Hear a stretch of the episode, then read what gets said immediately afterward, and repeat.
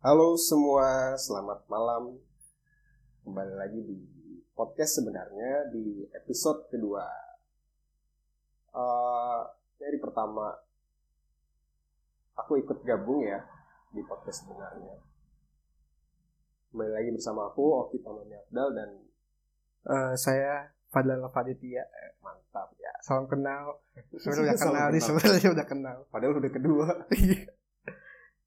ya, pada hari ini kita akan ngebahas tentang suatu cuitan di Twitter yang kemarin sempat ramai yuk. Ramai. Iya. Di minggu kemarin itu terkait Abu Janda. Iya. Yang di mana isi cuitannya tersebut mengindikasikan tentang masalah keagamaan, di mana dia di situ menyebut bahwasanya Islam arogan. Iya. Gitu. Sangat disayangkan. Ya dibalik itu semua, makanya dengan adanya podcast ini kita bakal ngebahas tentang bukan kasusnya, tapi hmm. lebih kepada karena si Abu Janda ini mendeklarasikan bahwasanya dirinya adalah buzzer. Ya, nah, jadi kita akan ngebahas apa sih itu buzzer Jadi kalau ngomong buzzer ya, Bung Fadlan, ya gimana, Bung Oki? Kalau bicara tentang buzzer kan selama ini identik dengan hal yang negatif. Iya, khususnya di politik ya. Khususnya di politik, karena uh, buzzer itu dikait-kaitkan dengan adalah uh, orang yang suka mengcounter, orang yang suka menyerang dari oposisi, bahkan sampai ibaratnya menjatuhkan nama baik lah. Iya. Itu kan stigmanya. Tapi apa sih sebenarnya buzzer tuh menurut Bung Fadlan? Iya. Uh, ini Bung Oki menarik ya sebenarnya berbicara soal ini kaitannya antara tweet Abu Janda yang meresahkan lah itu ya ibaratnya. Hmm. Khususnya ini menyinggung soal agama ya. Kita kita tahu lah itu di Indonesia ini kalau bicara soal agama memang sangat sensitif gitu. Apalagi dengan uh, Abu Jana bilang bahwa Islam ini arogan. Ini kan muncul apa ya muncul kekisruhan lah gitu ya. Keresahan juga dari masyarakat. Kemudian kita juga tahu tadi uh, dari Bung Oki juga saya sepakat ya bahwa Abu Jana mendeklarasikan sebenarnya ini bukan bukan sekedar uh, sebutan kita atau mungkin Bung Oki tapi aku pun pribadi melihat gitu di salah satu portal berita beberapa hari lalu ya terhitung sejak podcast kali ini ya Abu Janda sendiri di video bilang bahwa dia itu memang uh, influencernya TKN pada saat itu hmm. khususnya waktu zaman uh, pilpres seperti yeah. itu. Kemudian pilpres kapan nih berarti? Pilpres yang waktu Bapak Jokowi itu Pak Jokowi. Iya, ini dari apa buat para pendengar juga ini mungkin bisa lihat bisa cek lah di Google ya ini bahwasanya Abu Janda ini mendeklarasikan diri gitu bahwasanya dia seorang buzzer. Kemudian ini buzzer ya dari definisi menurut kacamata politik di Indonesia. Jadi ini menurut saya ini dimaknai sebagai apa ya semacam kaki tangan gitu ya. Suatu pihak untuk mencapai tujuan politiknya dengan cara menyampaikan pesan-pesan yang provokatif atau bersifat menyerang isu pribadi. Kembali lagi tadi seperti yang Bung Oki katakan, kok ini kesannya negatif ini? Kenapa negatif?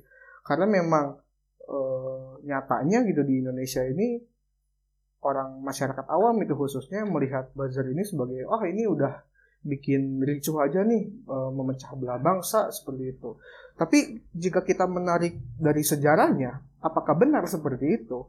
E, ternyata tidak, Bung Oki. Jadi pada awalnya ini buzzer ini berfungsi e, khususnya pada tahun 2009 ya, Bung. E, berfungsi untuk kepentingan bisnis. Uh, contoh misalnya untuk promosi perusahaan lah seperti itu. Uh, tapi sekarang memang memang aneh juga ya kenapa bergeser gitu perannya dari bisnis atau komersil menjadi kepentingan politik seperti itu.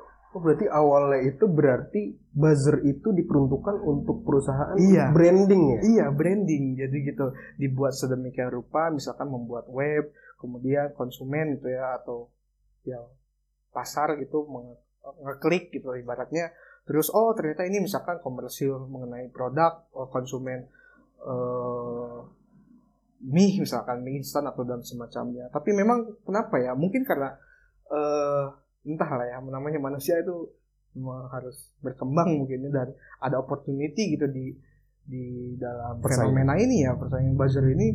Wah ini nampaknya bisa juga nih dipakai mungkin ya di bidang politik seperti itu. Karena begini eh, Bung Eh, sebenarnya di Indonesia ini kan ramainya itu pada tahun 2012 kita tahu waktu dulu tuh waktu zaman eh, Jokowi ya Jokowi dan Foke ya. Koreksi saya mungkin bagi pendengar bagi jika saya salah. Itu tuh ada dua kubu lah semacam itu eh, Bung. Ya eh, yang pertama itu kubu yang relawan sebutannya atau Oh, kubu iya. yang tidak dibayar. Kemudian ada satu lagi yang dibayar. Jadi ini kan ada dua kenapa bisa ada dua ini gitu? Atau bisa disebut yang tidak dibayar ini ya sukarela gitu atas dasar hati sendiri. Memang ini menarik ya kalau misalkan berbicara soal politik bah kok bisa gitu kan ada orang mungkin ada masyarakat awam bilang kok mau sih gitu eh, capek-capek gitu ngetik di sosial media membela misalkan membela pasangan politik A misalkan ya eh, sampai segitunya gitu sampai mau menghina lawan Iya. lawan politik bahkan mungkin dalam satu keluarga mungkin kita juga lihat di meme eh, ada satu keluarga di grup WA ada misalkan seorang bapak mengeluarkan anaknya karena anaknya berbeda pandangan politik tapi memang eh, begitu masifnya peran buzzer ya khususnya dari dari dari dalam hal ini gitu seperti itu. Eh, adapun ya buzzer politik ini jenis pertama tadi yang saya bilang yang mereka yang tidak dibayar itu itu mendistribusikan pesan secara sukarela. Ini eh, berdasarkan jurnal komunikatus ya, jurnal ilmu komunikasi bisa dicek juga bagi, bagi para pendengar bahwasanya kelompok itu yang secara sukarela itu secara umum mendukung Jokowi pada saat itu, Bung. Oke. Iya, kemudian eh, adapun buzzer yang dibayar, ini menurut jurnal ya saya saya tidak punya kapabilitas untuk menentukan, tapi menurut jurnal itu eh, muncul berbagai akun Twitter pada waktu itu seperti Trail Macan 2000 atau Kurawa seperti itu. Buzzer yang dibayar ini yang tadi saya ingin katakan di mana mereka ini disewa katanya disewa untuk mendukung kelompok politik Fauzi Bowo atau Foke seperti itu. Eh, mungkin itu sih menurut saya ya kalau misalkan bicara soal pergeseran antara eh definitif iya definitif buzzer ini dari Definitif komersil buzzer. menjadi politik seperti Iya. itu.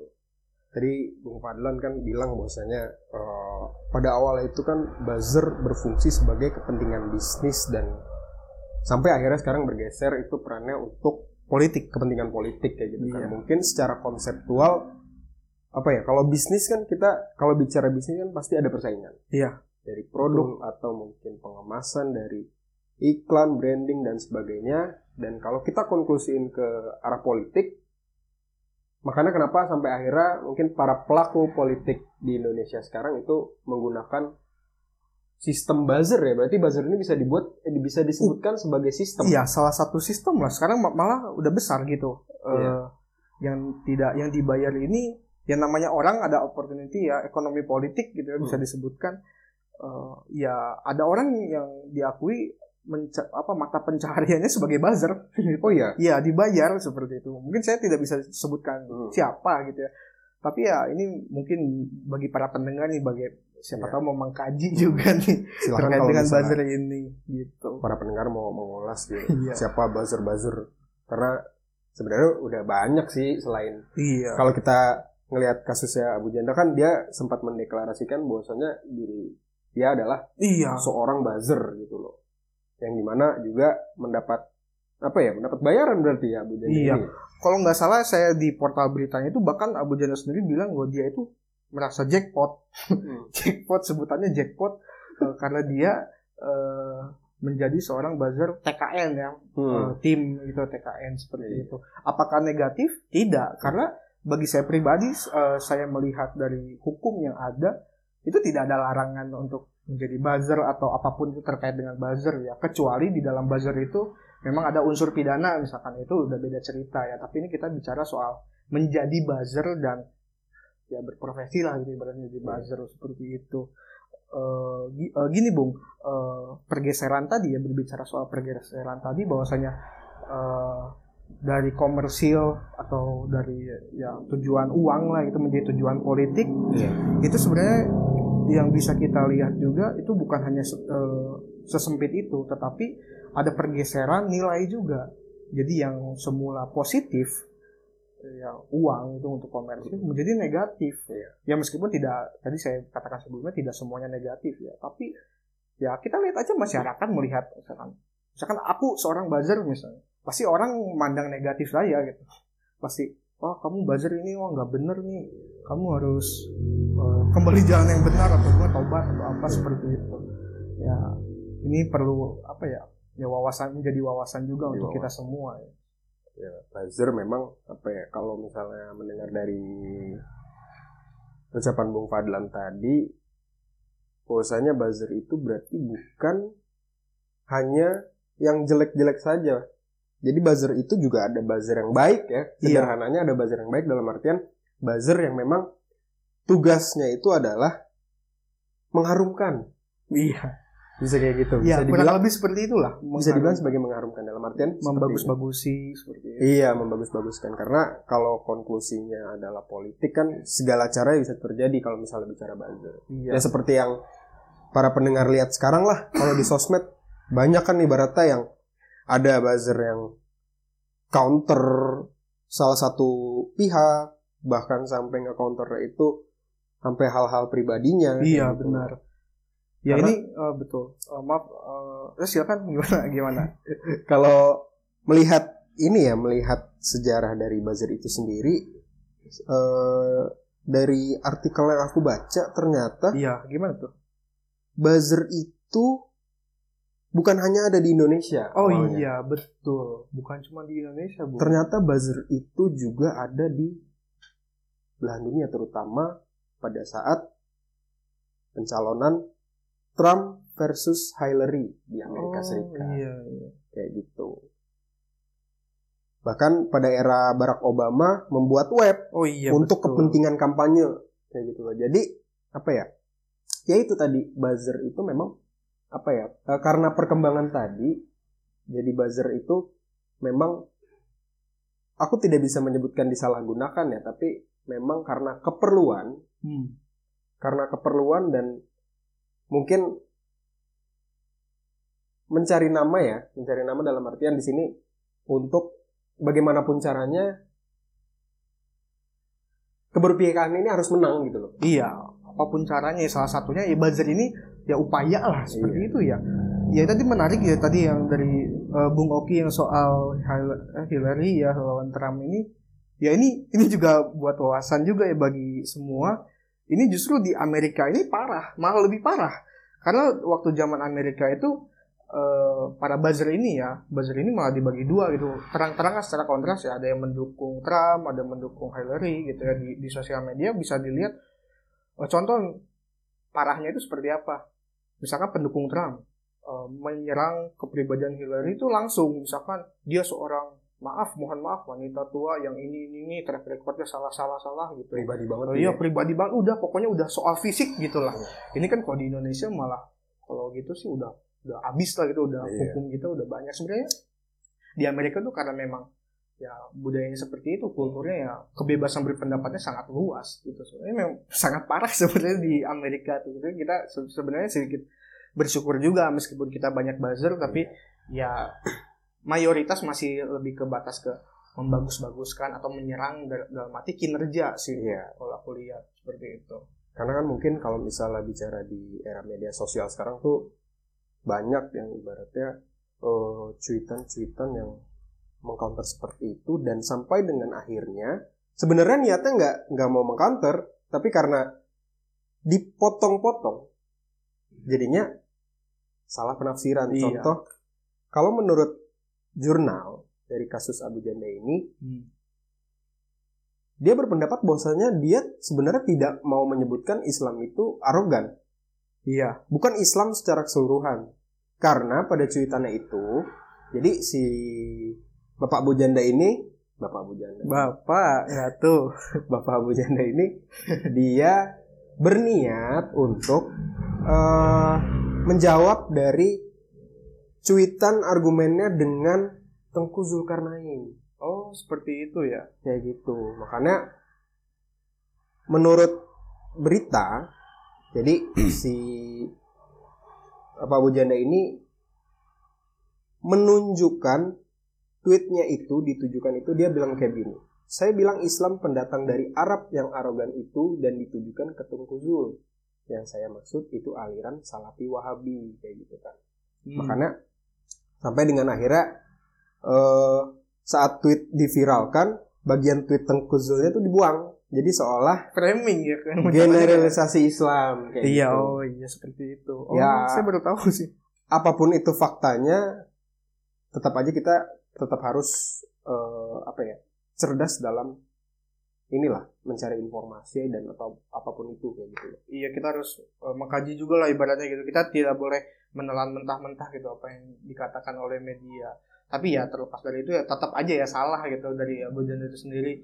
Eh, ya meskipun konteksnya itu menyerang lah gitu ya ibaratnya nge-counter dari Tengku Zul berarti kan ini pribadi ya antar orang Iya. ke orang antar orang Tapi yang namanya Twitter ya yang baca juga bukan cuma Tengku Zul aja apalagi Iya. Abu Janda ini ya ibaratnya buzzer yang mempunyai pengaruh lah cukup cukup Nah, besar lah itu. cukup Terlepas berpengaruh dari- iya sangat malah terlepas dari negatif atau positif itu itu itu urusan orang lah itu ya mena- apa menafsirkan seperti apa. Tapi ya ya memang itu meskipun ya aku baru tahu malah itu kan soal oh ini ternyata mengkatur Ustadz Ustadz ya iya Ustaz. Ustadz gitu ya Ustadz lah itu Ustadz Tengku Zul gitu. kayak gitu itu menurut pendapatnya Iya. karena bagaimanapun kita berargumen kita nggak akan pernah tahu fakta yang sebenarnya itu seperti apa gitu Iya. makanya di era modern seperti ini alangkah baiknya cerdas-cerdaslah kita dalam bersosial media gitu karena kalau udah viral Udah jejak jejak digital itu jejak jahat digital sih. itu sangat sangat jahat ya Iya. Hati-hati lah gitu ya berbijak dalam berbijak uh, berbicara. dalam Karena iya, bersosial media lah intinya kayak gitu Ya, karena bagaimanapun ini aku mau ulas lah sedikit tentang UU ITE ya. Hmm. Eh, meskipun ya orang bilang ini sarangnya undang-undang yang pasalnya pasal karet lah itu Pasal ibaratnya ya pasal yang banyak celahnya. Tapi kalau misalkan ini kita konteks misalkan ada seorang buzzer yang hoax gitu ya ibaratnya. Ini bisa jadi yang eh, apa yang dikatakan oleh Abu Janda misalkan eh, terkait dengan Islam arogan ini bisa saja dikaitkan dengan hoax gitu ya. Karena ya misalkan kita bicara soal fakta sejarah itu menurut ahli sih tidak ada gitu kan. Setahu saya ya setahu saya tidak ada gitu. Islam ke Nusantara itu bukan lewat peperangan ya tapi ini kita kembali lagi ya tadi soal hoax tadi. Eh, bahwasanya pasal 28 ayat 1 itu sudah jelas di UU ITE menyatakan bahwa eh, kita nggak boleh hoax lah gitu berarti intinya itu substansinya. Ini hati-hati juga bagi para nggak hanya buzzer ya eh, semua orang yang bersosmed ini jangan jangan sampai hoax lah gitu. Maksudnya ngapain lah banyak banyak ruginya juga gitu kemudian bicara soal buzzer ini kan eh, ini aku mungkin ini mau ngasih wawasan dikit lah ya sama pendengar eh, soal cara kerja cara kerja buzzer ini ya mungkin eh, agak melenceng dikit tapi ini penting ya Ini teknis berarti ya ya ini lebih ke teknis dari teknis buzzer sih. itu sendiri Iya, ini ini ini info penting lah gitu ya untuk Iya. ini buat siapa yang tahu orang mau jadi buzzer atau gimana kan. Tapi kan saya tadi udah bilang kan, Iya. buzzer itu tidak negatif. Ini teknis ini juga untuk membuka mata nih Hmm. bahwa tidak selamanya buzzer ini negatif. Karena ini kalau boleh tahu ya kita buka-bukaan aja ya. Eh, saya di sini sebagai mahasiswa juga ya. eh, pernah lah aktif di isu kampus. Bahwasanya kita juga membutuhkan eh, buzzer ini gitu, upaya ini gitu, buzzing ini gitu. Mengapa? Karena eh, contoh misalkan eh, mungkin dari beberapa aktivis kampus juga udah pada mengalami lah eh, waktu misalkan omnibus misalkan atau waktu RKUHP itu cara untuk membuat trending itu ya kita nggak nggak usah munafik lah tanda kutipnya. Kita butuh aksi serentak. Itu Iya. sebenarnya kan upaya buzzer juga Iya. buzzing juga kan. Apakah negatif? Tidak. Enggak. tidak negatif Betul. gitu. Itu sah sah aja karena itu upaya. Apalagi ini bagus gitu untuk memperjuangkan rakyat gitu kan. Iya. tidak salah ini pengetahuan juga lah itu para pendengar. Kemudian kembali lagi nih ke teknis nih Jadi para pendengar nih jika ingin tapi jika ingin para pendengar jika ingin tahu gitu cara kerja buzzer ini bisa mencari jurnal nih yang diterbitkan diterbitkan oleh Vkom Untar Universitas Tarumanegara di Mbah Google nih yang berjudul peran buzzer politik dalam aktivitas kampanye di media sosial Twitter Bung. Hmm. Jadi mungkin saya akan ulas dikit lah gitu Eh, mengenai buzzer politik ini ada dua kalau di sini. Tadi kan sebelumnya kita bilang buzzer yang dibayar dan tidak dibayar. Iya. Tapi ini pada intinya sama. Tapi sebutannya buzzer politik profesional dan buzzer relawan. Tapi intinya sama profesional dibayar, relawan tidak gitu, karena hati. Jadi akun-akun Twitter yang dibuat oleh buzzer politik profesional nih saya membedah dikit. Jadi ada tugas masing-masing katanya ini di, di jurnal ini. Contoh misalkan kita buat 10 akun Twitter. 4 akun untuk membela pasangan calon, kemudian 4 untuk menyerang dan dua berperan netral. Ini udah kayak sepak bola aja gitu. udah kayak sepak bola kan 4-4-2 gitu kan. 42. Tapi ini buzzer politik ini yang itu ada imbalan tertentunya. Itu berperan untuk membuat narasi Hmm. dan hashtag harian. Tadi seperti yang saya bilang ya, kita bikin hashtag. Kemudian ada yang disebut buzzer relawan yang tidak dibayar. Ini biasanya nih sebenarnya ini buzzer relawan ini sangat rentan untuk melakukan kampanye hitam. Ini malah terbalik kan kenapa profesional tidak kampanye hitam ya karena dibayar itu biasanya ya orang juga takut kan dilacak Udah ada gitu ketentuan dananya. ya? Iya, mungkin ada Udah ada cara ketentuannya juga. Kalau dibayar juga kan harus dipertanggungjawabkan, Iya, susah lah ntar takut ketahuan atau gimana. Karena ya itu tadi ada keberpihakan. Iya, berpihakan. Karena perlu jadi catatan, buzzer itu adalah suatu alat dari suatu pihak. Iya, gitu. betul. Itu yang perlu jadi catatan teman-teman. Iya, catatan penting buat semuanya. Jadi buzzer itu bukan berarti dia brutal di sosial media, dia mau ngomong apa, kayak gitu loh. Jadi buzzer itu, ya mungkin tadi yang nggak bisa di apa ya, yang nggak bisa ditahan atau Hmm. rentan dalam black campaign lah kalau kita nyebutnya. ya. Iya. Karena itu adalah di yang relawan. yang relawan ya. Iya. Karena bisa aja tuh isinya simpatisan atau Iya. orang gabut. Iya, orang gabut pengen merusuh Iya, misalkan. orang gabut pengen merusuh kayak gitu. Ya, sebenarnya kan nggak ada kerjaan gitu kan untuk yang rusuh ya tapi untuk relawan ini biasanya eh, kenapa bisa kayak gitu tadi yang seperti saya katakan sebelumnya ini hebatnya politik itu seperti itu jika sudah menganggap tokoh politik tertentu ini bisa mengubah nasibnya dia bisa membela mati-matian ya kita contoh lihat lah misalkan soal pemimpin ini ya kita bisa lihat di fenomena politik beberapa tahun belakangan lah ya Iya. ini kemudian saya mau bahas lagi nih soal buzzer relawan nih. Jadi ini biasanya gini, buzzer ini buzzer yang relawan ini membuat akun anonim atau inisiatif dari Hmm. mereka sendiri. Mereka tuh biasanya berperan secara aktif dalam menyampaikan pesan kampanye sekaligus menyuarakan aspirasi mereka. Sama kan sebenarnya kayak yang profesional tadi. Hmm. Cuman pesan kampanye ini bisa bisa negatif, bisa positif, tapi kita lihat banyaknya negatif ya Iya. kayaknya gitu di Twitter Twitter gitu kan suka Itu ada. salah satu penyebab kenapa makanya mungkin para pendengar bagian dari para pendengar itu berstigma negatif terhadap buzzer ya itu karena itu. Iya, di buzzer relawan ini biasanya suka buka aib misalkan Hmm. kadang Jahat kadang tuh, benar kadang salah itu jahat banget sih gitu. jahat. Aib maksudnya kita manusia tidak sempurna gitu. Apalagi Betul. ini sensitif ya kalau masalah aib di politik. Mungkin ada bagusnya kalau misalkan aibnya misalkan korupsi atau Iya. apa, tapi kalau misalkan seperti misalnya mohon maaf eh, keluarganya bermasalah atau Hmm. misalkan tidak bisa memimpin keluarga itu kan kayak contoh ya kita bisa tahu waktu dulu waktu zaman Prabowo dan Jokowi ada oknum buzzer yang menyerang Prabowo waktu itu calon presiden Iya. itu dengan sebutan mohon maaf keluarga apa tidak bisa memimpin keluarga atau apa atau apa itu kan jahat Terlalu- juga lah. Itu tidak tidak masuk akal lah. Bukan masuk ranah lah. iya itu beda beda urusan lah. Itu udah beda gitu. Eh, sangat disayang sangat disayangkan. Gitu. kemudian eh ya pada intinya itu ada dua. Itu misalkan mau saya simpulkan kembali. Terus tadi kan menarik ya relawan yang soal membuat akun anonim. Ini sebenarnya hati-hati loh bagi bagi para pendengar. Mungkin eh, untuk buzzer untuk calon buzzer atau untuk bahkan bukan tujuan untuk buzzer jadi untuk membuat fake account ya itu yang popu- populernya ya bahasa populernya ini sebenarnya tidak boleh ini kalau mengacu pada pasal 35 junto 51 ayat 1 UU ITE itu eh, menyatakan ya pada intinya dilarang eh, membuat akun atau dokumen-dokumen elektronik yang palsu gitu. Eh, kita juga tahu ya mungkin apa hubungannya. Kita tahu waktu membuat akun itu kan kita biasanya nama terus tanggal lahir misalkan nama orang tua. Iya. Itu kan kalau dipalsukan nah itu pidananya di situ. Ini Hmm. hati-hati lah. Mungkin eh, sebenarnya tapi juga tidak bisa tidak bisa apa ya susah sebenarnya untuk di- ditindak gitu. Cuman ini untuk edukasi bagi kalian semua. Hati-hati kalau misalkan bikin fake account, apalagi tujuannya untuk untuk Hal-hal merusak negatif oleh ya, hal merusak. negatif ini kalian kalau dilaporkan ini bisa pidana pidananya nggak nggak main-main ini 12 tahun penjara dengan denda 12 miliar hati-hati gitu Tuh. 12 miliar. aduh gara-gara bikin fake account kan nggak elit banget loh gitu Gak usah lah, udah cukup 12 kalau tahun lagi akun-akun udah cukup first account sama second iya account. kalau second account pun maksudnya Second account juga pun hati-hati gitu. iya itu mungkin banyak orang yang bikin second account Aku punya.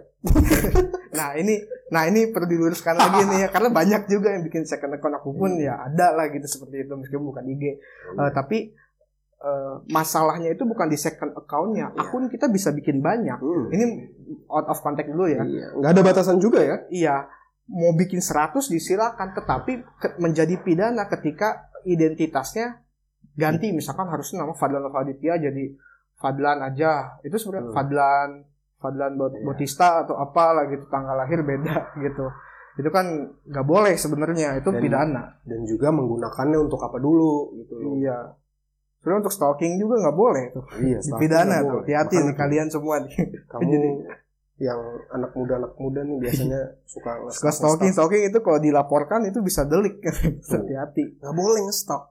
Ini jadi out of konteks. Iya, Makanya kalau udah punya akun satu aja, nggak usah punya dua. ya, ya kembali kembali ke buzzer ini bung Ya, ya, kembali kembali. ini jadi melebar ke mana-mana tapi ya itu ya edukasi lah buat kawan-kawan semua lah hati-hati dalam bersosial media karena apalagi kita UITE ya jujur kalau mau curhat sih ini banyak pasal-pasal yang bisa kita kalau bahasa Sundanya sebutnya tisoledat Iya, atau tis kalau- tergelincir lah Iya. kita kita bisa dipidana dengan ketidaktahuan kita seperti itu Karena banyak hal mungkin yang tidak kita sadari justru itu melanggar undang-undang ITE gitu. iya Banyak sebenarnya. Nah, makanya ya itu tadi dari apa yang kita bicarakan dari tadi tentang masalah buzzer, terus cuitan di Twitter dan bahkan sampai tadi ya iya teknis buzzer pun sendiri udah kita jelasin tadi. Nah, itu bisa jadi untuk bahan pembelajaran dari semua pendengar podcast yang sebenarnya. Iya. Jadi bagaimanapun kita harus cerdas dalam bersosial media. Gunakan sosial media untuk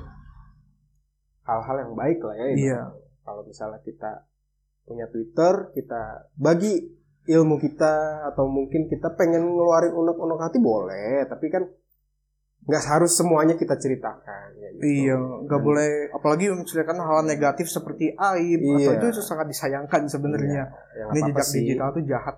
Iya, jejak digital tuh jahat. Ini makanya. contoh ya Abu Janda itu kan dia sebenarnya ngomong ke Tengguzul kan Ustadz Tengguzul tapi karena orang banyak yang melihat ini bisa jadi pidana. Malah setahu saya ini dia lagi dia lagi diperiksa ya kalau nggak salah Iya. kemarin-kemarin. Kemarin hari Senin itu sempat dipanggil Iya, ke Baris Krim sempat Polri kan. gitu, gitu. Hati-hati. Itu menjadi salah satu pelajaran gitu ya. Karena di podcast kali ini di episode kedua ini kita tidak tujuannya memang bukan untuk mengcounter, tapi memang memberi wawasan terkait apa itu buzzer ya dan juga bagaimana cara bersosial media yang baik. Kita tidak melarang teman-teman untuk menjadi buzzer.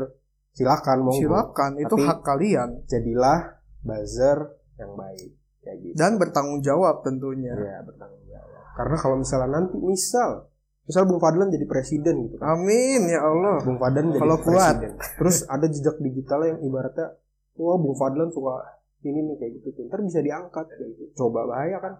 Iya, Makanya pintar-pintar harus bersosial media. iya. Harus pintar, harus bisa bertanggung jawab gitu. Kalau saranku pribadi ya Bung eh, buat semuanya ini mungkin juga untuk kesimpulan dari apa yang aku katakan tadi ngalor ngidur sedikit.